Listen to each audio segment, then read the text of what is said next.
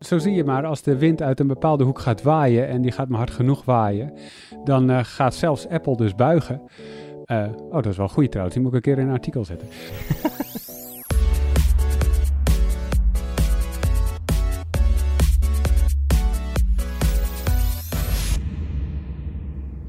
Hoi, leuk dat je luistert naar een nieuwe aflevering van de Tweakers podcast. Mijn naam is Juria Nubachs en ik zit hier vandaag met Arnoud Wokke. Hoi.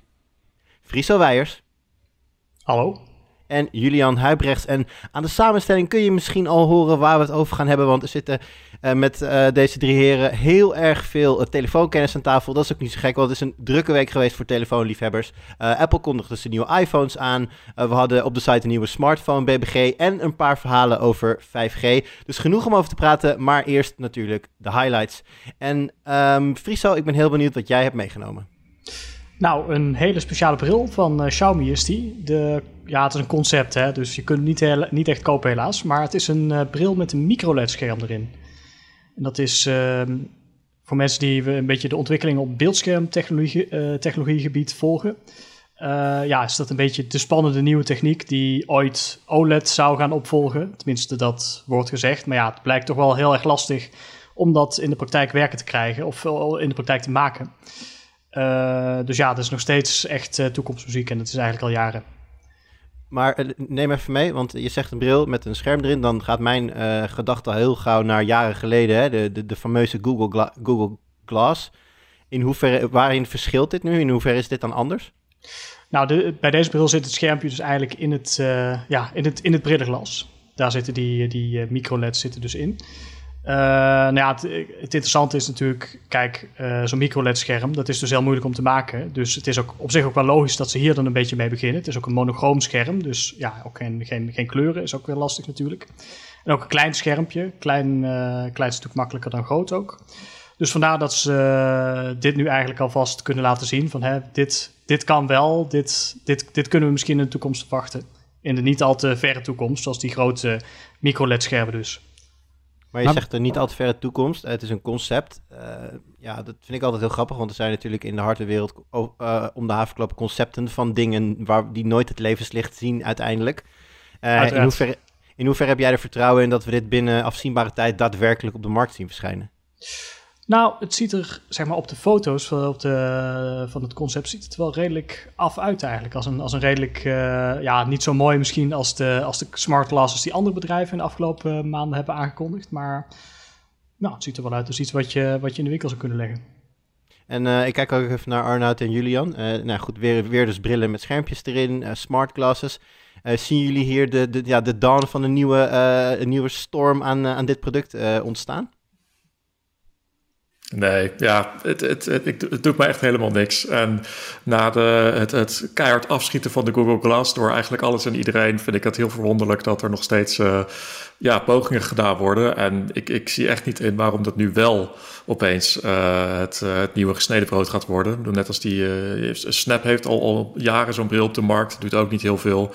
Facebook komt er nu weer met zijn Ray-Ban bril, maar ja, ik, ik zie vooral afkeer ertegen. Ja, Arnold? Ik, ik, ik denk dat dit het nieuwe gesneden brood is. uh, nee, dat denk ik echt. Denk, dit voelt een beetje als de tijd, weet je wat, toen, toen waren er al mobiele telefoons en die zijn er al sinds, nou ja, laten we zeggen jaren 80 en jaren 90 begonnen ze echt wel wat te worden. En toen toch zeiden eind jaren 90 nog een hoop mensen: Ja, wat moet ik ermee? Ik heb toch een vaste telefoon en ik wil niet altijd bereikbaar zijn. Nou, zo voelt het nu ook met dat soort brillen. De technologie is er nog niet, de toepassingen zijn er nog niet. Um, maar uh, computers hebben gewoon de neiging om steeds meer in de achtergrond te verdwijnen eigenlijk. Ja, ik zie er wel een, een, belangrijk verschil, Arnoud. Jij draagt een bril. Ja, dat maakt misschien ook jouw beleving van zo'n product heel anders. Want ik kan me daar echt niks bij voorstellen. Ik draag niet eens zonnebrillen. Dus waar, waarom zou ik iets op mijn hoofd zetten? Ik kijk er letterlijk anders naar. Dat kan je, dat kan je wel stellen, ja. Nee, maar ik denk echt dat het... Dat het nu is een, bril. De volgende stap is natuurlijk iets van contactlenzen. Nou, dan heb je het over echt een heel kleine, kleine technologie. Daar kan je natuurlijk niet de hardware kwijt van een hele desktopcomputer. Maar dat je uh, computers hebt die, die kleiner zijn. We vrotten ze nu... Nou ja, heel veel mensen vrotten elke dag een computer in hun oor. Uh, in de vorm van draadloze oortjes. Uh, dat is eigenlijk ook een beetje geruisloos gekomen afgelopen vijf jaar. Ik denk dat dit iets is wat, uh, wat nu, waarvan je nu denkt, ja, wat moet ik ermee? En over 10, 15 jaar denk je, hè, dachten toen echt dat dat niks zou worden? Nou, dat denk ik. Maar dat denk jij, en dan ben ik wel benieuwd. Kun je dat uh, even voor ons aan een bepaalde use case koppelen? Want die zegt, je, je koppelt het aan mobiele telefoons. Natuurlijk waren de mensen die zeiden van... ja, ik wil toch niet elke elk moment van de dag gebeld kunnen worden... maar ik ben met daar geld en nu... Nou ja, hij is nog net niet vastgegroeid aan onze handen. Het scheelt weinig meer. Um, dat komt natuurlijk doordat er inderdaad use cases zijn ontstaan... waar dat ding verdomde handig voor is. Wat zie jij dan zo al uh, aan zo'n bril... waarvan jij denkt van dat zou wel eens heel handig kunnen zijn? Nou, wat, uh, deze eerste golf van, van brillen die er nu is, je noemde al de, de, de Snapchat-bril, de spectacles. Facebook heeft met Ray-Ban nu ook een uh, bril uitgebracht. Die richten zich op foto's en filmpjes maken. Dus als een soort actiecamera gebruik je dan met daadwerkelijk je eigen point of view. En op die manier herinneringen vastleggen. Ja, dat heeft wel iets totaal logisch. Uh, een volgende stap is natuurlijk, en daar richt Microsoft zich op met de HoloLens, uh, is, uh, is zorgen dat je informatie over de echte wereld heen kan projecteren. Zodat je, als je voor een apparaat staat, weet welk schroefje je moet hebben als volgende. Of waar je precies moet zijn in een muur, omdat je een soort van zicht daardoorheen hebt door middel van een virtuele laag. ja, dat, dat klinkt ook volstrekt logisch. Ja, je ziet het dus ook bij die Xiaomi-bril. Dat ze, ze hebben wat natuurlijk van die gesimuleerde beelden hebben ze online gezet. Hoe, hoe dat eruit zou moeten zien als je de bril op hebt. Dan zie je bijvoorbeeld dat je uh, uh, real-time directions krijgt. Dus dan komt er zo'n pijl in beeld van uh, na 100 meter naar links. Ja, dat is natuurlijk ideaal gebruik voor, voor zo'n bril. Zeg maar. dat is, dan kan je gewoon lopend over straat, kun je hem gewoon heel handig gebruiken. Nou ja, ik zie wel bijvoorbeeld inderdaad een kans. Uh, eigenlijk alle dingen waar, waar heel veel mensen nu bijvoorbeeld hun smartwatch voor gebruiken. Dus je wordt gebeld en dan kijk je op je smartwatch wie het is of van wie het bericht komt. En ja, dan beslis je eventueel of je je telefoon pakt om er iets uitgebreiders mee te gaan doen. Ja, op het moment dat je gebeld wordt, snap ik best dat je rechts in je gezichtsveld, als je toch al die bril draagt uh, dan kunt zien uh, wie er belt. Of nee, inderdaad wat je zegt, live uh, routebeschrijving. Maar tegelijkertijd, um, je kunt een hele bewuste keuze maken om niet naar je smartwatch te kijken. Op het moment dat je bijvoorbeeld aan het autorijden bent of wat dan ook. En, en zelfs een routebeschrijving, als het heel druk is in het verkeer, dan dan ben ik soms gewoon even meer geïnteresseerd in wat ik uit mijn ramen kan zien dan wat mijn routebeschrijving op dat moment zegt. Gewoon omdat het anders gevaarlijk zou kunnen worden. Ja, en die overlay, als je die op je bril hebt, die, gaat, die kan niet zien hoeveel auto's er op dat moment om jou heen rijden. Dus dat vind ik best wel. Ik, ik heb op dat moment niet meer de vrijheid om te zeggen van ik wil nu gewoon even helemaal geen storing van mijn eigen zicht. En dat houdt mij heel erg tegen om dat bijvoorbeeld ooit te gebruiken als een, als een routeplanner.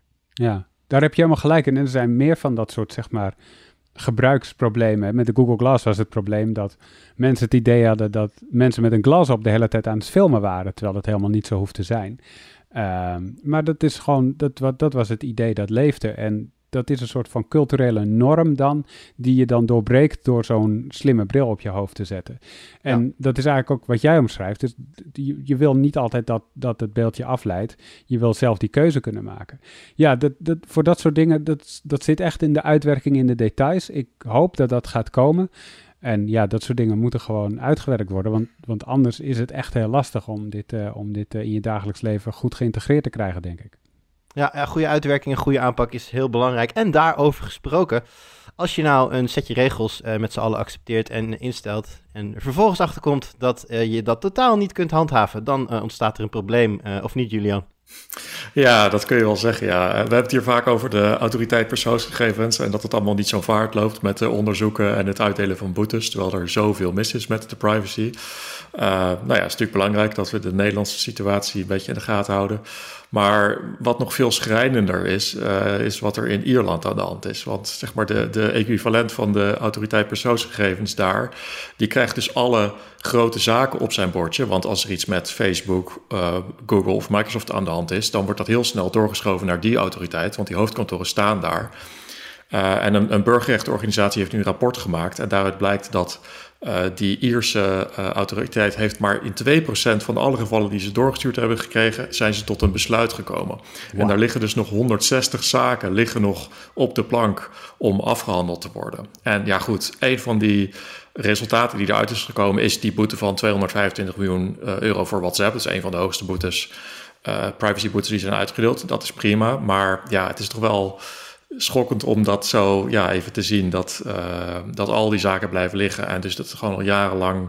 Uh, nou ja, sinds 2018 hebben we die, die regelgeving. Maar dat werkt niet op deze manier. En dat is ook de, eigenlijk de boodschap die ze zeggen. Ja, Europa moet gewoon ingrijpen. Het is ook een beetje een pervers gebeuren in Ierland. Want het schijnt ook dat die boete, ja, volgens de Ierse autoriteiten had die boete ook wel iets van 20 of 30 miljoen kunnen zijn.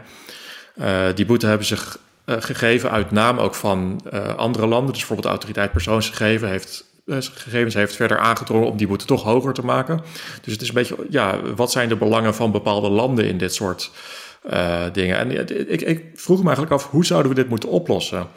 Moet hier niet gewoon één grote Europese aanpak voorkomen? Zoals we nu ook hebben met de Europese Commissie, die bijvoorbeeld uh, Intel een miljardenboete geeft als er een concurrentievervalsing is. Zouden we dat niet ook gewoon in één keer Europees moeten aanpakken met die GDPR? Ja, even, nog even één stapje terug, want uh, dat, dat we het allemaal heel goed begrijpen. De plek waar in theorie de grootste boetes worden uitgedeeld, omdat daar gewoon de grootste bedrijven zitten en dus de grootste overtredingen plaatsvinden, dat is ook de plek waar de backlog verre, verreweg het grootste is en waar het minste zaken uiteindelijk worden behandeld.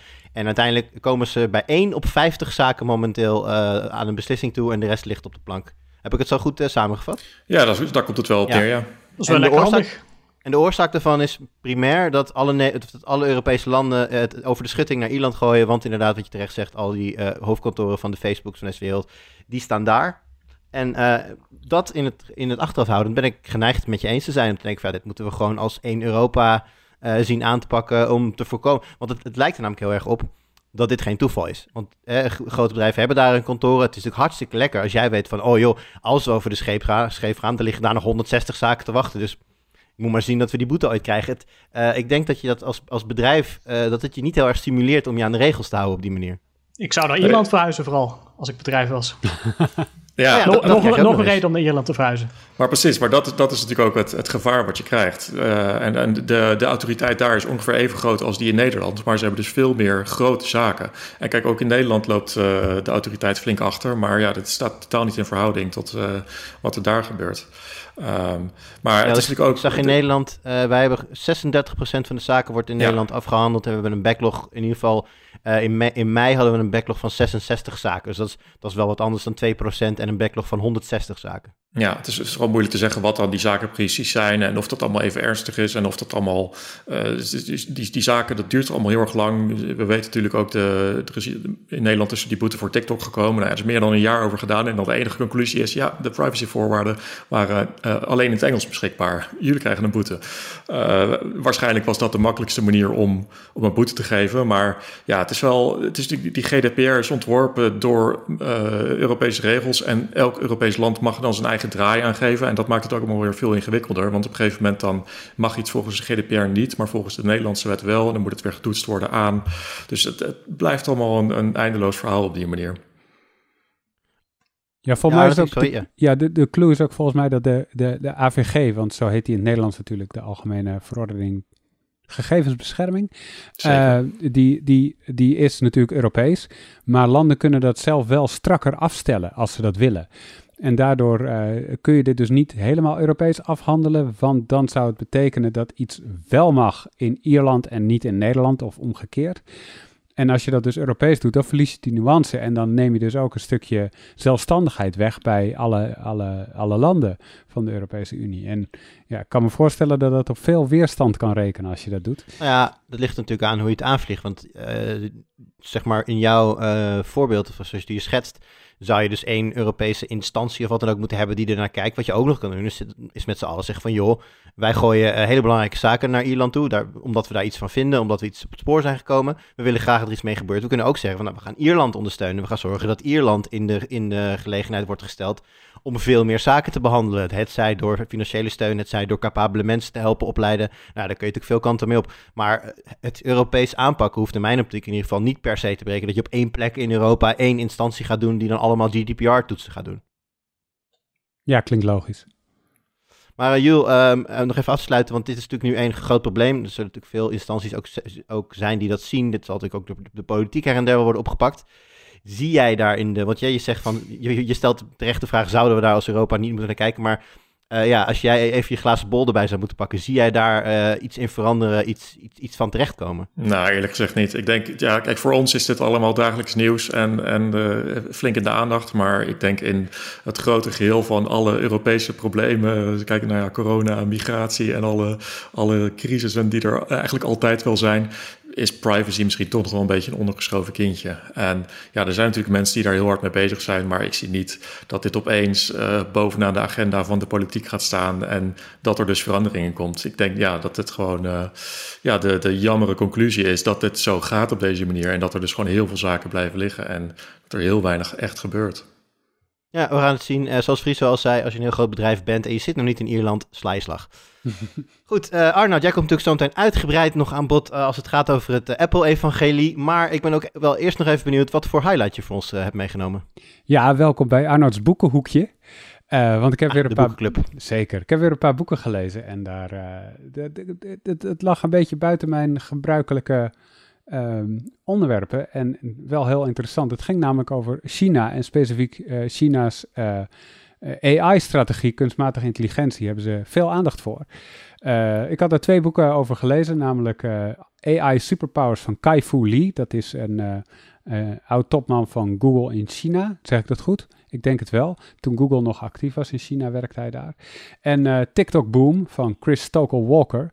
Dat is een uh, journalist die uh, in, in TikTok en het moederbedrijf ByteDance is gedoken.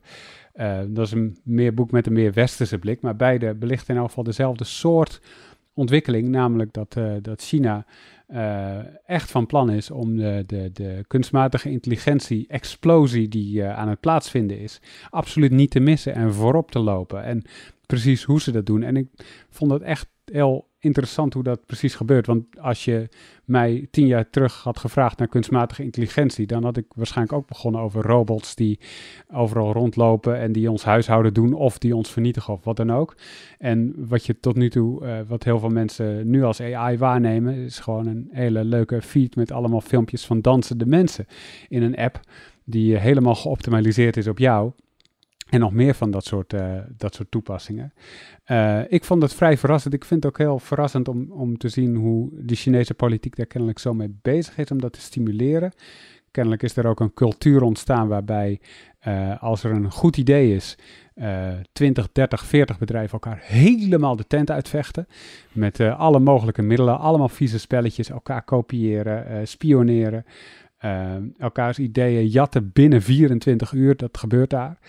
Um, dat is daar ook heel normaal. En uiteindelijk blijven daar een paar winnaars van over. En die proberen het dan ook uh, breder te maken.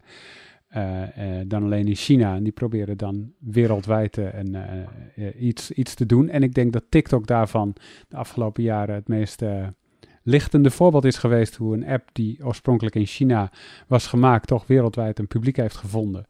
En, uh, en uh, dat uh, China nu ook zijn woordje wil meespreken op gebied van hoe apps werken en wat ze doen op, op wereldtoneel.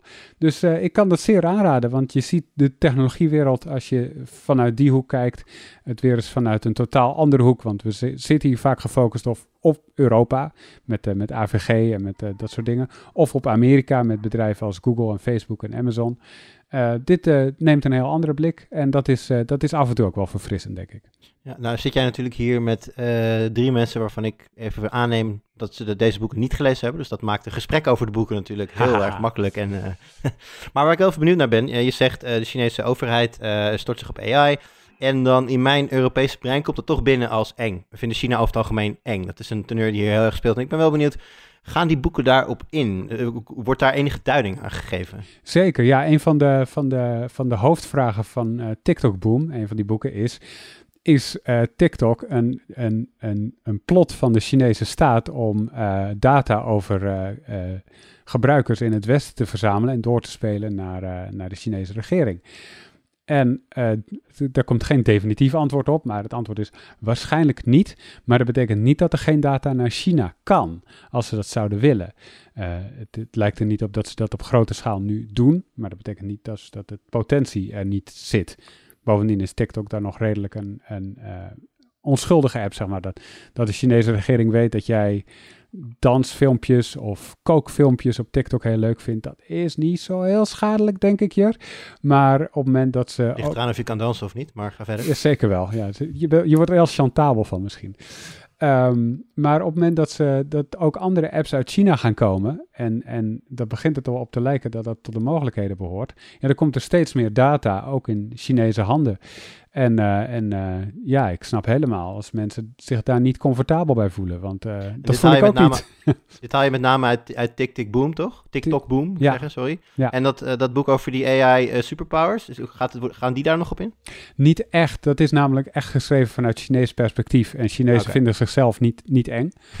Uh, het gaat natuurlijk wel in op de geopolitieke situatie en dat Amerika en China geen vriendjes zijn en dat die eigenlijk in een soort race verwikkeld zijn om de beste, beste AI te maken in de komende jaren. Um, maar verder niet, nee. Nou ja, Arnoud, interessant. Ik ben uh, heel benieuwd. Het, uh, het, klinkt iets als iets wat ik zou willen lezen. Uh, Friso, Julian, hoe is dat voor jullie? Nou, als je het hebt over AI, dan denk ik altijd aan dat je een hele grote dataset nodig hebt natuurlijk om, de, om zo'n model natuurlijk te trainen. Dus uh, als je zegt van ja, wat, wat kunnen ze ermee hè, met, met al die dansfilmpjes die ze dan hebben verzameld? Dan zou ik wel zeggen dat ze dat natuurlijk kunnen gebruiken om, om, om zo'n AI-model te trainen. Bijvoorbeeld, uh, nou ja, niet, niet noodzakelijk je dansbewegingen misschien, maar je gezicht dan. Zeg maar gezichten van westerse mensen waarop ze zo'n model zouden kunnen trainen. En ja, ik weet niet of ik dat een, een heel leuk idee zou vinden persoonlijk. Uh, als mijn, mijn dansfilmpje voor zo'n doeleinde zou worden gebruikt. Nou, ik vind het ook een heel uh, eigenlijk een lastig onderwerp. Bijvoorbeeld TikTok is iets wat totaal langs mij heen gaat. Ik zie heel af en toe op andere social media kanalen zie ik een TikTok filmpje. Als ik dan op Twitter of Instagram zit, als mensen iets, iets reposten. En ik, ik, vraag me vooral af, inderdaad, dat is echt een voorbeeld van een, van een bedrijf. En wat heel sterk met AI werkt, dat wel echt is doorgebroken op de westerse markt. Maar ja, ik kan me niet zo snel andere grote voorbeelden bedringen. Ik, ik, ik heb ook wel heel erg het idee dat het echt een, een markt is die gewoon heel erg op zichzelf zit. Uh, en natuurlijk, ja, dus daar kunnen allemaal ontwikkelingen zijn waar wij helemaal niks van weten en wat gewoon binnen die markt blijft. En dat lijkt me inderdaad wel interessant om dat, uh, dat wat meer uh, uit te lichten. Ja, het is sowieso iets waar denk ik heel veel mensen het idee hebben dat ze te weinig van weten en wellicht dat deze twee boeken daar iets aan kunnen veranderen. Goed, nou, uh, eerder deze week zagen we natuurlijk een presentatie van Apple en dat was één grote zegentocht, hè jongens. Maar ik uh, wil in mijn highlight nog even terug, uh, teruggrijpen naar een nederlaag van Apple. Want vorige week kwam er uitspraak in de zaak tussen Epic Games en Apple, die aangespannen was ja, om meerdere redenen, maar onder andere onderdeel daarvan was Epic wilde dat Apple betalingen toestaat buiten de App Store om. En de rechter heeft nu gezegd, dat moet Apple inderdaad gaan doen. Uh, en nou is het heel leuk, want ik heb dit meegenomen als highlight. Maar ik ga hem nu lekker bij Arnoud parkeren. Want Arnoud, jij hebt natuurlijk in, uh, in mei hier een, uh, een uitgebreid plusartikel over geschreven. Over hoe dit allemaal in de, de vork in de steel zit. En het is ook weer niet zo dat het een, een totale overwinning is voor Epic, toch? Zeker niet. Nee, alleen op dat kleine onderdeel heeft Epic dan gewonnen. En eigenlijk op elk ander onderdeel. Hè, dus ze wilden hun eigen App Store uh, op, uh, op iOS kunnen lanceren. Dat mag niet. Ze wilden dat de rechter zou zeggen: Apple is een monopolist. Dat is niet gebeurd. Um, dus eigenlijk op elk ander belangrijk punt heeft Epic verloren. Daarom hebben ze ook beroep aangetekend. En hebben ja. ze gezegd: we gaan, dit, we gaan dit nog een keertje overdoen om te kijken of we nu wel gelijk krijgen. Want, ja, maar wat ik, de reden mee. dat ik het heb meegenomen is: wat ik er heel interessant aan vind, is dat het een bepaald precedent schept als het gaat om in-app aankopen en dan betalingen buiten de App Store om. Uh, dat, dat kan, uh, of dat gaat uh, de leveranciers van content 30% schelen. Hè? Je hoeft dan niet meer die 30% af te staan, want je regelt het, betaal, betalingsverkeer zelf. En ik ben heel benieuwd of partijen dit, dezezelfde grond gaan gebruiken op andere platformen, zoals daar zijn PlayStation, Xbox. Als je daar je in hebt, daar heb je natuurlijk ook gewoon in-app aankopen. Hè? DLC voor games, dat moet je dan ook op dit moment in ieder geval nog verplicht aankopen via de PlayStation Store, via de Xbox Store ja, ik kan me heel goed voorstellen dat er nu bedrijven, die, bedrijven zijn die denken, ja, wacht even, als de rechter dit vindt van de App Store en, het, en iOS, waarom zou de Xbox, eh, de Xbox Series X, Xbox Series S, et cetera, de PlayStation 5, waarom zou dat anders zijn? Waarom kan ik mijn DLC daar niet verkopen? Dus ik uh, ben heel benieuwd wat voor, uh, ja, wat voor precedent dit gaat leggen voor de verkoop van, van, van, van digitale content.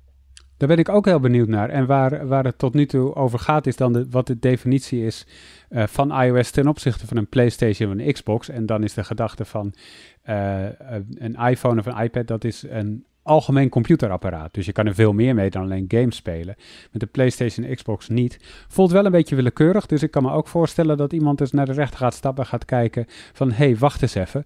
Als je uh, op iOS niet de downloadwinkel aan het betaalsysteem mag koppelen. Hè, dus dat je moet betalen bij degene die de downloadwinkel heeft, de App Store. Uh, waarom zouden dan bij Sony of bij Microsoft wel moeten? En ik denk dat je daar een heel goed punt maakt. Volgens mij zou dat op basis van deze uitspraak zou het heel goed kunnen dat het inderdaad ook losgelaten zal moeten worden. Probleem is denk ik wel uh, dat als je op uh, iPhone zit, dan is het denk ik een stuk makkelijker om uh, betaalgegevens in te vullen. Ik weet niet zeker hoe dat gaat op PlayStation of Xbox. Ik heb alleen een Nintendo Switch. Maar ik kan me voorstellen dat als je voor elke game die je hebt uh, klikt op betalen en dan ga je naar een of andere webbrowser toe en dan moet je creditcardgegevens invullen. Ja, dat is lastig. Dat is gewoon minder gebruiksvriendelijk. Dus... Maar wat natuurlijk wel kan, uh, de meeste, dus zeker grotere gamepartijen, als jij bijvoorbeeld een, een game van EA of van Ubisoft speelt, dan hangt daar een account aan van de uh, publisher zelf. Dus niet van, van, van je PlayStation, maar gewoon van EA. Daar ben je op dat moment ook ingelogd. Dus je zou natuurlijk gewoon op je, op je laptop uh, de aankoop al kunnen doen op een site van EA zelf. Hè. Op je laptop heb je gewoon je betaalgegevens staan. En op het moment dat jij het spel opstart op PlayStation, dat dan die DLC gewoon klaar staat voor je, zonder dat je ooit iets in de PlayStation Store zelf hebt afgerond. Kijk, dat soort workarounds zouden ze natuurlijk al wel kunnen doen. Ik weet trouwens, ik weet, nu ik dat zo hardop zeg, weet ik eigenlijk helemaal niet of dat überhaupt niet al gewoon mogelijk is. Het zou, zou, best, zou best nog wel eens kunnen trouwens. Ja, dit, is inderdaad mogelijk. En dat is ook, was het, het hele uh, wrang en daarmee ook wat ook uit die Epic-zaak is gekomen. Dat is een van de redenen waarom Sony tegen crossplay was. Omdat je dan dus op je PlayStation console kon je de game spelen, terwijl je op een ander platform die aankopen zou doen. Bijvoorbeeld op je laptop of wat dan ook. Dus dan zei Sony van ja, crossplay is nadelig voor ons, want wij verliezen er geld op. Dus daarom gingen ze afspraken maken met uitgevers van games, dat je dan als gamers uh, een game vooral op de PlayStation spelen, maar aankopen ergens anders deden, dan wil Sony een percentage van die omzet. Dus ja, is, uh, deze markt is heel erg, uh, nou ja, heel erg hard op die percentages. Ja, iedereen zit natuurlijk ook op, gewoon op zijn de rechten als, die hij heeft als platformeigenaar en, op, uh, en zeker ook content-eigenaar. En dat, ja, dat is eigenlijk de basis. Hè? Dat, dat wringt natuurlijk. De een heeft een platform, de ander heeft content. En ja, van wie is, het, van, van wie is de euro en welk percentage van die euro moet waarheen. Um, Arnoud, ik denk dat we alvast wel kunnen concluderen dat deze titanenstrijd in ieder geval heel veel positieve gevolgen heeft voor wat kleinere bedrijven die actief, die actief zijn in, in deze markt. Uh, onder andere al door natuurlijk de eerdere uh, lagere tarieven die Apple al heeft bekendgemaakt natuurlijk. Hè. Die is volgens mij, als je, wat was het, minder dan een miljoen verdient of zo aan je spel, ja. dan betaal je maar, maar tussen aanhalingstekens 15% aan Apple. Ja, dat is natuurlijk een rechtstreeks gevolg hiervan. En nou ja, dat nu uh, meer en meer partijen zelf uh, buiten de App Store om betalingen kunnen toestaan, dat ja, is natuurlijk ook gewoon een positief punt als je niet heel toevallig Epic of Apple heet. Ja, klopt, dat denk ik ook. En zo zie je maar, als de wind uit een bepaalde hoek gaat waaien en die gaat maar hard genoeg waaien, dan gaat zelfs Apple dus buigen. Uh, oh, dat is wel goed trouwens. Die moet ik een keer in een artikel zetten.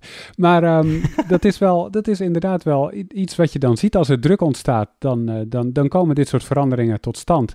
En ik denk dat we dat nu aan het zien zijn. Ik denk ook dat die veranderingen nog lang niet ten einde zijn. Ik denk dat, uh, dat dit verhaal nog een behoorlijk staartje gaat krijgen. Ja, want je zei het al, uh, Epic gaat natuurlijk in, in, in hoger beroep. Uh, dus dat betekent ook dat deze soap nog wel enkele maanden slash jaren doorgaat? Ja, maar dat is alleen die zaak. Maar er loopt nog veel meer. Er is bijvoorbeeld een wet aangenomen in Zuid-Korea. Uh, wat gek genoeg de anti-Google-wet heet daar. Dat app stores niet meer mogen afdwingen dat je een bepaald betaalsysteem gebruikt. Dus dat moeten ze openstellen. Uh, maar dat is alleen in Zuid-Korea. In Amerika werken ze gek genoeg aan eenzelfde wet. En daar is uh, steun van uh, zowel de Republikeinse als de Democratische zijde in het Huis van Afgevaardigden. Dus de kans dat dat er komt. Uh, bedoel, dat gebeurt niet vaak in de Amerikaanse politiek, dat beide partijen het zo eens zijn over iets. dus de kans dat dat er komt is, is wel degelijk aanwezig. Dus ja, dat, dat voelt Apple ook wel aankomen. Ik denk dat ze hier zich heel grote zorgen over maken in de directiekamer. Ja, maar goed, aan de andere kant, hoe langer ze het kunnen rekken, hoe beter het is. Want dat is ook nog wel even een klein laatste puntje meer over te vermelden. Epic heeft dus nog wel die 30% moeten betalen over de periode dat ze dat nog niet hebben gedaan. En dat ze dus, dat heeft de rechter nu ook gezegd, niet voldeden aan de voorwaarden van Apple. Dus dat geld dat ze in die, in die periode dat ze met elkaar in de clinch liggen uh, hebben verdiend, daarover moeten ze alsnog 30% gaan betalen aan, uh, aan Apple. Dus dat dan weer wel. Ja, het is ook, dat is ook wel echt ultieme ironie natuurlijk. Want wat ze deden is, ze zeiden, in, uh, in Fortnite. Hier, hier heb je, als je V-Bucks wil kopen, de, de in-app uh, uh, currency, dan kun je dat goedkoper bij ons doen. Toen kikte Apple ze uit de App Store, want ze zeiden dat is contractbreuk. En de rechter gaat daarin nu mee. Die zegt, ja, dit was inderdaad contractbreuk, want je had een contract getekend en je brak een van de regels. toen heeft Epic nog twee maanden lang in die app, die mensen al geïnstalleerd hadden staan, V-Bucks verkocht. Uh, tegen het lagere tarief. En daarover moeten ze nu dus weer 30% afdragen. Hoewel dat niet via Apple is gegaan, omdat ze dat eigenlijk via Apple hadden moeten doen. Ja, dus de rechter zegt eigenlijk, jullie hadden wel gelijk, maar op dat moment hadden jullie het nog niet zo afgesproken, dus moet je alsnog betalen. Ja, dus daar komt het op neer, ja. Ja, ja. nou ja, goed. Uh, we gaan het allemaal zien hoe dit verder gaat. Uh, jongens, we gaan naar het hoofdmenu. jullie hebben natuurlijk allemaal gekeken naar de keynote van Apple. En ik wil even het, rondje maken. Friso, ik begin even bij jou. Op een schaal van, van, van 0 tot, nou ik wil zeggen van 0 tot 1, maar laten we maar 0 tot 10 doen. Hoe verrast was je door alles wat er werd aangekondigd? Nou, ik wilde eigenlijk zeggen, kan ik ook minder dan 1 geven of minder dan 0? ja, totaal niet verrast dus. Nou, het was eigenlijk zowel uh, was het al duidelijk eigenlijk dat er niet zo heel veel verrassingen gingen volgen. Maar eh, de dingen die dan zouden komen, die nog een beetje verrassend zijn, die zijn voor een deel ook niet gekomen. Ja, dan hebben we het bijvoorbeeld over, dan, de, over de Apple Watch met, uh, met de platte zijkanten. Ja, ja, geef me even door aan, aan Julian. Want nou goed, ik denk dat jij en Arnold er niet heel anders over zullen denken dan Friso. Dus laat ik me dan even anders invliegen. Hoe erg is het als je, als, nee, jullie als journalisten, maar misschien hè, voor Apple-fans, dat het eigenlijk een heel voorspelbare show is? Is dat überhaupt erg of is dat een sign of the times? Nee, ik vind dat uh, niet meer dan, dan logisch bijna. Die, die, de, de tijd dat er echt verrassingen bij, uh, bij Apple keynotes of überhaupt in, in tech-presentaties komen, ja, die, die zijn uh, zo zeldzaam. En ik vond het eigenlijk nog wel verrassend dat er iPads kwamen. Die had ik niet per se bij deze presentatie verwacht. Dus ik vond het qua nieuws nog best wel een aardige show. Nou, Arnoud, weet ik dat jij ook wel, ook wel warm loopt voor, voor een goede One More Thing, maar dat stoort jou verder ook niet meer? Um, nou, ik was eigenlijk wel, ik noem het niet blij verrast, maar ik was wel echt verrast door die Apple Watch. Want ik zat echt naar mijn scherm te kijken van, hè, dit lijkt helemaal niet op de renders die we afgelopen maanden telkens online hebben gezien. En die echt uit, uh, uit de betrouwbaarste bronnen kwamen waar, waar het maar uit kan komen. En, en die bleken gewoon niet te kloppen. Dus wat dat betreft was ik nog wel aardig verrast hoor. Ik dacht wel van nou, dit, dit is wel... Maar ja, aan de andere kant, er was een redesign voorspeld. Dat kwam er niet. Dus dan denk je niet van, oh, dit is een vernieuwender apparaat. Nee, dit is juist een beetje een conservatiever apparaat dan iedereen had gedaan. Dat zeg je wel eens interessant, hè? Dat er zijn dus al renders uh, uitgelekt van die, van die, uh, van die, uh, van die horloges, zeg maar, de Apple Watches. Um, maar ook van de, van de iPhones die volgend jaar pas worden aangekondigd. Wat is, uh, ik kan me heel goed voorstellen dat als jullie, je bent aan het volgen, je, je, kijkt uit naar de, naar de iPhone 13 en wat daar allemaal bij komt. Maar ondertussen is het design van de iPhone 14 al uitgelekt. Ja, zit je dan niet bij voorbaat al een beetje naar mosterd naar de maaltijd te kijken? Ja, eigenlijk wel. ik kan niet anders zeggen. Het is gewoon het, het feit dat je nu al dingen uh, misschien weet, want ik weet niet in hoeverre dat vast ligt en hoeverre dat allemaal klopt. Maar dat het nu al gaat over de iPhone 14. Ja, dat, dat, dat tempert natuurlijk wel het gevoel over de iPhone 13. Want het is nu in je hoofd simpelweg niet meer de nieuwste, nieuwste iPhone. Het is nu al de oudere iPhone geworden in feite. Het is al plek 2. Ja, en dat die is wordt, iets anders. Die wordt volgens de, over, volgens de overlevering ook zonder notch? Ja, met een, uh, met een gaatje voor de camera. Net als uh, vrijwel elke Android-telefoon anno 2021 eigenlijk. Ja, nou goed, dat is er nog ver weg. Uh, en wat je, wat je al terecht zei, hè, dit zijn natuurlijk, het lekt uit. Het is, er moet nog veel uh, tijd verstrijken voordat het ding dan een keer komt. Dus er kan nog van alles veranderen. Maar over de iPhone 13 en uh, de hele familie daarvan weten we sinds gisteren veel, sinds dinsdag veel meer. even in het kort, Arnoud, wat was die, wat, wat, wat moeten, waar kunnen we naar uitkijken bij de iPhones? Ja, op gebied van uiterlijk is er niet heel veel veranderd. Dus de, de camera's van de iPhone 13 zitten nu diagonaal in plaats van recht onder elkaar. De notch is iets kleiner, 20% zei Apple. Nou ja, dat lijkt wel ongeveer te kloppen. Ik heb de berekening nog niet gemaakt. Uh, en voor de rest zijn er vooral dingen veranderd op gebied van camera. Um, de, de Pro-modellen hebben hele nieuwe camera's. Uh, nieuwe met ultra lens en een telelens die wat verder inzoomt ten opzichte van de primaire camera. En ze hebben veel gedaan op het gebied van video. Er zit nu een soort portretmodus in video waarbij je achteraf kan kiezen waar je focust en ook de achtergrond kan vervagen. Ja, dat is wel super tof. Hij, uh, je neemt iets op en daarbij onthoudt hij de informatie over diepte, waardoor je dus uh, na zeg maar, het scherpstellen nog achteraf kan doen, toch? Ja, klopt. Dat is precies. ik vond het heel cool uitzien. Ik, uh, ik had wel zoiets. Nou, ik bedoel, ik kijk dan naar. Jullie weten, uh, ik ben op zoek naar een nieuwe telefoon. Dus wie weet wordt het wel een, een iPhone. Dus ik zat te kijken. En toen dacht ik wel van ja, dit is wel tof. Het gebeurt natuurlijk best wel eens dat je iets maakt waar je net niet helemaal uh, goed scherp hebt gesteld. Of, nee, of gewoon voor esthetische reden wil je het misschien achteraf wel een beetje aanpassen. En dit was wel een van de dingen waarvan ik denk, ja, het voelt wel een beetje gimmicky. Ik zou er niet per se een telefoonkeuze op passeren. Maar ik zou het ook wel gebruiken, denk ik. Ik vind het wel leuk. Ja, dat idee had ik ook. Ik dacht wel van, oh, nou, als ik dit heb, dan, uh, dan uh, ga ik dit zeker wel een paar keer inzetten, ja. Ja, nou uh, is, Apple natuurlijk heel lang, of heel lang, goed, in het begin dagen van de iPhone sowieso natuurlijk synoniem geweest voor innovatie, zetten stappen op het gebied van de telefoonmarkt. Friso, als jij kijkt naar wat er dinsdag allemaal gepresenteerd is, hè, en, en ja, ook, ik heb natuurlijk ook de eerste reacties wel gelezen en reacties bij ons op, op de site. de teneur is een beetje dat dat de iPhones toch wel een beetje achterlopen op de concurrentie. Ben jij het daarmee eens? Nou, het is eigenlijk grappig. Uh, ik, ik, moest een beetje denken aan een presentatie uit, uh, uit 2018 van, uh, van de Zenfone 5 van Asus bij het zien van dit, dit verhaal. Ja, want het was toen, in 2018 hadden ze dus net die iPhone, iPhone 10 uitgebracht met die, met die notch. Dat was helemaal nieuw en spannend. En toen kwam Asus een paar maanden later met van, hey, we hebben de notch 26% kleiner gemaakt. Ik had hem even opgezocht. dat, dat zei Asus dus in, in, in 2018, hadden ze ook zo'n zo'n smallere notch.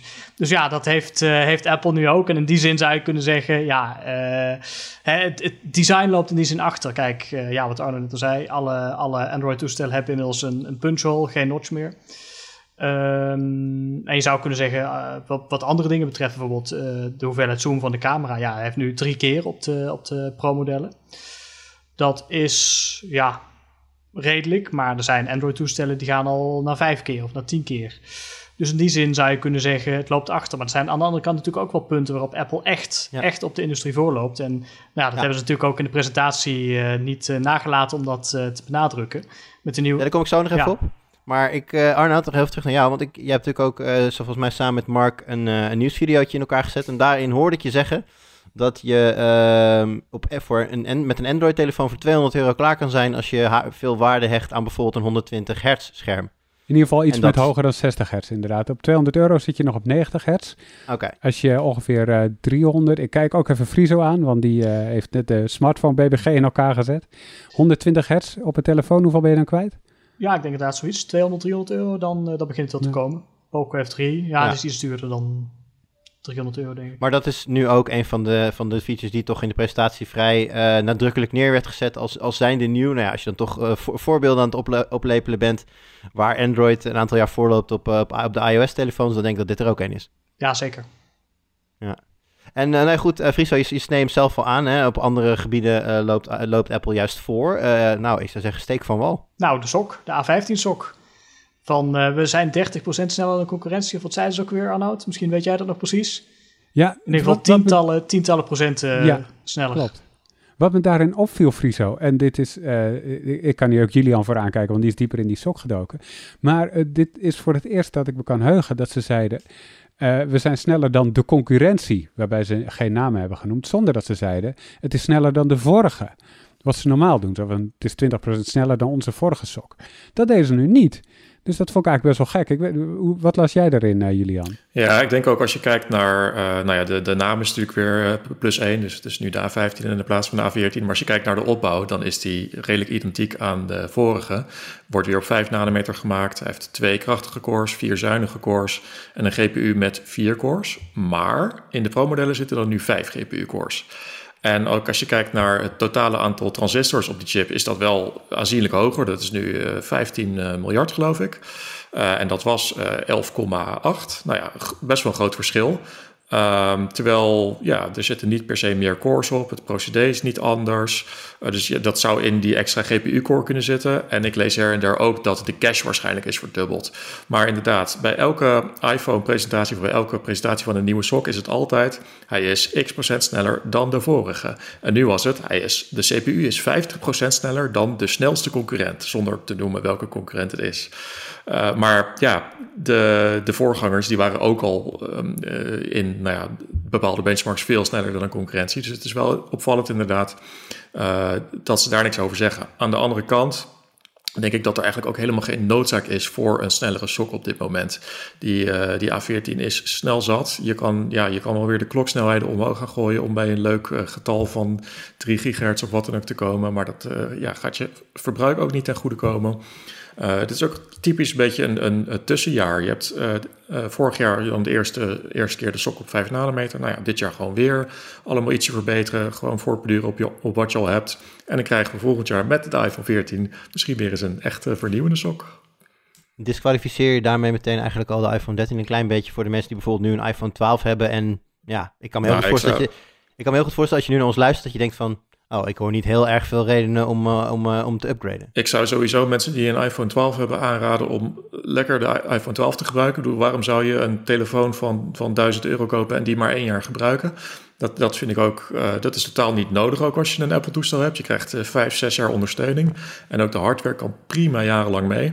Tuurlijk, als je het leuk vindt om altijd het nieuws van het nieuws te hebben... en je bent het weekend hart en nieuwe nieren... Ik, ik, kan me heel goed voorstellen dat mensen dat willen... maar het is totaal niet nodig. Dus wat dat betreft vind ik ook niet zo gek of, of schokkend... dat zo'n iPhone 13 niet heel vernieuwend is. Als je bijvoorbeeld een iPhone 10 hebt... dan is het misschien wel een hele mooie upgrade. Want ja, er zitten wel daadwerkelijk verbeteringen op... ten opzichte van de vorige, zoals die uh, betere camera's. Die, vorig jaar was het nog helemaal dat alleen de 12 Pro Max kreeg een grotere sensor. Nu heeft gewoon de hele line-up die grotere sensor. Dus ja, dat is ook wel een significante verbetering.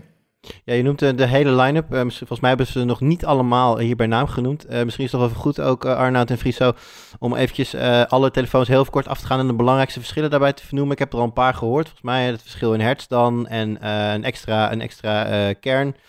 Maar wat uh, zijn er nog meer noemenswaardige verschillen tussen de volgens mij vier telefoons die ze hebben aangekondigd? Ja, het zijn er vier. De goedkoopste is de iPhone 13 mini. Dus ze hebben weer zo'n lekker kleintje, Friso. Dat, uh, ja, net als, vind ik ook nog steeds heel cool hoor. Ja. ja, jammer dat ze daar naar verluid mee gaan stoppen na de, na de 13 mini. Dus uh, laatste kans zou ik zeggen. Zie je, gaan we alweer over de iPhone 14 praten. ja, de 13 mini is dus de goedkoopste. Daarna heb je de 13. Um, die hebben dus beide twee camera's. Eentje met ultra groothoeklens. Maar dat is de oude ultra groothoekcamera, die, die, die ook al op de 12 zit. Uh, de Pro heeft wat vernieuwingen. En uh, de, wel de grotere sensor van de primaire camera. Hij is nog steeds een 12 megapixel camera, maar hij is iets groter. En de optische beeldstabilisatie zit, en ik kijk Julian hiervoor aan, want die weet heel veel van camera's. Maar die zit in de sensor in plaats van in de lens, toch? Waardoor, uh, ja, klopt. Dat was bij, vorig jaar bij de 12 Pro Max geïntroduceerd. Dat is uh, sensor shift stabilisatie. Dus dan, ja, dan beweeg je de sensor uh, allerlei kanten op om bewegingen te compenseren. En je kan ook, uh, dus een tegenhanger van, van, van stabilisatie in de lens, waarbij je de lens beweegt. Uh, maar ja, dat is gewoon een andere manier, andere implementatie. Maar ja, het, het, is sowieso natuurlijk een vooruitgang ten opzichte van de vorige, want die hadden helemaal geen stabilisatie. Ja. En met de Pro-modellen krijg je dus, oh trouwens nog goed om te vermelden bij de, bij de iPhone 13 mini en 13. Die beginnen nu bij 128 gig aan opslag in plaats van 64 gig. Ja, dat is wel echt Hele fijn. verbetering natuurlijk, ja. Hm. Uh, de Pro-modellen die, uh, die hebben wat dingen extra, zoals dat 120 hertz scherm, um, een camera extra, uh, de camera met telelens extra en een time-of-flight sensor voor diepteinformatie en augmented reality. En de ultra groothoekcamera die heeft autofocus, waardoor je macrofoto's kan maken. En dat is ook voor het eerst op een iPhone. Uh, dus dat zijn in het kort de, de, de, de verschillen. En wat ja. erbij opviel, en uh, dat was Friso onmiddellijk opgevallen, dus credit voor hem.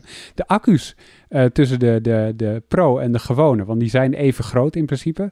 Die, die zijn nu, de interne structuur daaromheen is anders, hè? Ja, klopt. Maar dat had de 12 Pro Max vorig jaar ook al. Die had een, een L-vormige batterij. Wat ze bij de alle andere 12's hadden ze dat niet gedaan. Hadden ze gewoon een, een rechthoekige gedaan. Ja, dat is natuurlijk goedkoper. Uh, maar goed, ik zag dus in de presentatie voorbij komen dat de, de, de 13 Pro, dus niet de Max, dat die nu ook zo'n L-batterij heeft. Wat ja. kan zorgen voor een grotere capaciteit. Ja, het is vooral ruimte, denk ik. Ja, hè? Want die is ja, zo'n grotere sensor uh, bovenin en drie van die camera's. Dan schuift de accu wat naar onder. En dan moet je dus, dus een stukje naar rechts om die extra capaciteit te krijgen. Ze claimen trouwens voor alle iPhones iets langere accuduur. Maar zoals altijd noemen ze geen capaciteit, alleen gebruiksduur. Nou ja, dan mag je zelf invullen hoeveel waarde dat heeft. Ze, ze zeiden bij sommige modellen anderhalf uur extra gebruik en bij andere modellen 2,5 uur extra, voor wat het waard is. En uh, wanneer kunnen we deze telefoons kopen? Over anderhalve week. En het begint bij uh, 800 euro voor, uh, voor de mini, de goedkoopste 128 gig. En de duurste is natuurlijk de Pro Max 1 terabyte, want dat is een nieuwe versie, een nieuwe, nieuwe opslagvariant. En die kost uit mijn hoofd 1800 euro. Kijk, ik wil zo Fries, met jou, Fries, heel even naar de, naar de BBG kijken. Maar Arnoud, om het onderwerp Apple nog even af te sluiten, want we hebben het natuurlijk voornamelijk nu gehad over de iPhones. er was meer te zien, je zei het al eventjes, de Apple Watches. Misschien even in vogelvlucht nog heel even kort over de rest. Ja, klopt. Nou, die Apple Watch, daar zeiden ze dus opvallend weinig over. En ik zat ook dat bericht te maken en ik dacht, hè, verrek, ik weet helemaal niet hoe duur die is en wanneer die uitkomt. En dat klopt ook, dat hebben ze niet gezegd en dat zeggen ze nog steeds niet. Wat we inmiddels wel weten is, hij heeft dezelfde processor als vorig jaar. Dus dat is niet veranderd, maar wel een iets groter scherm. Um, uh, uh, maar de behuizing zelf lijkt ongeveer hetzelfde. Het, het, ontwerp is ongeveer hetzelfde. Er zitten ook geen nieuwe sensors op. Um, dus dat is, dat is vooral met de Watch uh, gebeurd. Verder zijn er twee nieuwe iPads. Een iPad mini, die lijkt op de iPad Air van vorig jaar. Dus die heeft Touch ID in de powerknop zitten. en die heeft daardoor geen home-knop meer. hij heeft ook een iets groter scherm daardoor. 8,3 inch past er nu in die behuizing in plaats van 7,9 inch. het is ook een, een, een, scherm met een iets andere verhouding. Het is nu niet meer 4 bij 3, maar ongeveer 3 bij 2. Ehm, eh, en dan is er nog een goedkoopste iPad die is vernieuwd. Nog altijd de best verkochte iPad. Maar dat is een beetje een saaie upgrade. Vandaag gebeurt eigenlijk vrij weinig mee. die heeft alleen wat nieuwe onderdelen. Een uh, A13 Bionic Sock in plaats van A12. En een nieuwe camera uh, voorop met ultra grote lens. Dat is de enige die er is. Dus je frontcamera voor videobellen en zo. Dat, dat is nu een ultra grote camera. Dat is echt een COVID-upgrade. Een betere frontcamera voor beter videobellen. Ja, nou, het is, we kunnen erop lachen, maar het is voor veel mensen een stuk, stuk belangrijker geworden. Uh, Julian, jij nog, uh, zijn jij nog dingen opgevallen aan de persconferentie van Apple die wij nu misschien nog niet genoemd hebben? Nou, wat wel na de persconferentie naar buiten kwam, is dat de Apple Watch nu bij KPN in Nederland ook uh, ondersteuning krijgt voor 4G. Dus ja, dat, is, dat kon natuurlijk al lang in Amerika, dat je mobiel connectiviteit kan hebben op je watch, maar dat komt nu eindelijk ook naar Nederland. Bij KPN geloof ik. Dus dat is ook iets waar, ja, waar veel mensen op hebben gewacht. Dus wat ja, misschien wel goed nieuws is, ondanks dat dat horloge zelf uh, meer van hetzelfde is. Ja. Nou goed, we gaan, het, we gaan het allemaal zien, we gaan het allemaal meemaken. Volgens mij uh, weten we nog niet, uh, volgens mij zei je dat Arnold, we weten nog niet wanneer die nieuwe horloges komen, toch? Nee, van de iPads wel, die komen gewoon volgende week uit. voor dezelfde prijs als hun voorgangers. Maar die Apple Watch, die staat echt op de site. Zo van, later dit najaar komt het uit. En ze hebben één prijs genoemd in de persconferentie, was 399 dollar. Maar wat dat in euro's is, dat weten we nog niet. Het zal wel iets van 440 worden of zo. Uh, meestal is het in euro's iets hoger dan in dollars. Komt BTW bij natuurlijk. Dus uh, ja. ja. dure klokjes. Ja. Gaan we, gaan we door met andere dure dingen. Uh, Friso, jij hebt natuurlijk deze week een nieuwe smartphone Best Buy Guide op de site gezet. En voordat we naar de telefoon zelf kijken, wil ik, heb ik eigenlijk een andere vraag. Want er komen natuurlijk doorlopend nieuwe modellen en zo uit en nieuwe telefoons. En ja, wij hebben natuurlijk veel, veel, veel testgegevens over ook oude telefoons. Hoe ga je daarmee om in je, in je, in je adviezen? selecteer je al bij voorbaat door als er nieuwe modellen aankomen en raad je dan de oudjes niet meer aan of hoe werkt dat? Niet direct. Nou, we proberen natuurlijk wel te kijken als er nieuwe modellen komen, dat we die echt zo snel mogelijk uh, getest hebben en ook kunnen meenemen. Dat zag je bijvoorbeeld um, bij deze BBG zag je dat aan de A52S. Uh, dat we die echt eventjes nog snel, op, uh, snel door de test halen, zodat we die ook nog even mee kunnen nemen. Naast de, ja, de bestaande A52, die natuurlijk onze aanrader was van dit voorjaar. Ehm, maar op dat moment is het niet zo dat de A52S dan automatisch noodzakelijk de aanrader is. Het is hem wel geworden overigens. Ehm, maar we, we, blijven natuurlijk doorkijken uh, op basis dus van onze testresultaten of die oude modellen toch nog interessant zijn of niet. En daarbij geldt er wel een bepaalde cut-off.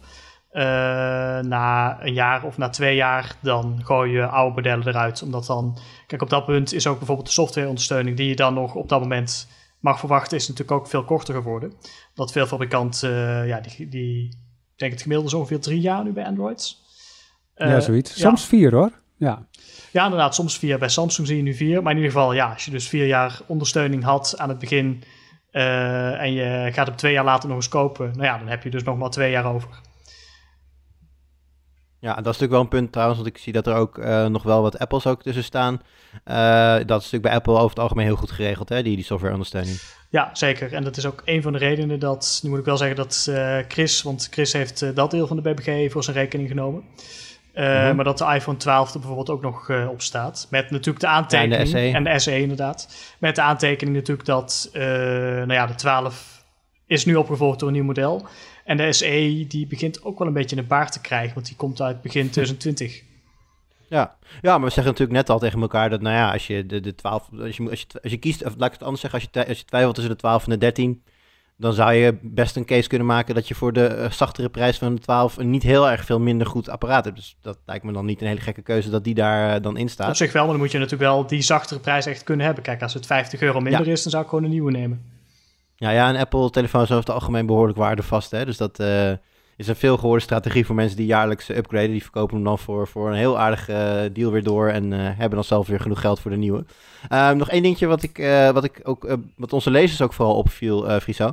als je in de goedkopere segmenten gaat kijken, dan zie je toch vooral veel Chinese merken. Xiaomi, Oppo en her en der nog OnePlus.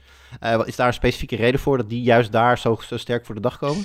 Nou, om te beginnen, er zijn ook gewoon heel veel Chinese merken. Hè? Bedoel, Dat sowieso. Wat is er nou nog niet Chinees meer? Eh, Samsung, ik heb net Samsung dat het een goed idee is. Dan eh, zijn er dus 50 bedrijven die daarmee aan de slag gaan. En die jatten dan bij elkaar allemaal ideeën binnen 24 Ja. uur. En dan op een gegeven moment heb je een paar eh, winnende bedrijven over. Dus misschien gaat het in de telefoonmarkt daar ook wel zo. Wellicht, wie weet. Maar nou ja, om te beginnen dat. Er zijn gewoon heel veel Chinese merken. De meeste merken zijn Chinees. Ehm, ja, en daarbij, als je kijkt naar Xiaomi, die hebben gewoon een, een strategie gebouwd op het voor een zo goed, goedkoop mogelijke prijs aanbieden van telefoons met de meeste specs. En dat zie je natuurlijk ook gewoon terug in de testresultaten. Eh, dat, die gewoon, ja, dat je voor hetzelfde geld gewoon meer telefoon hebt.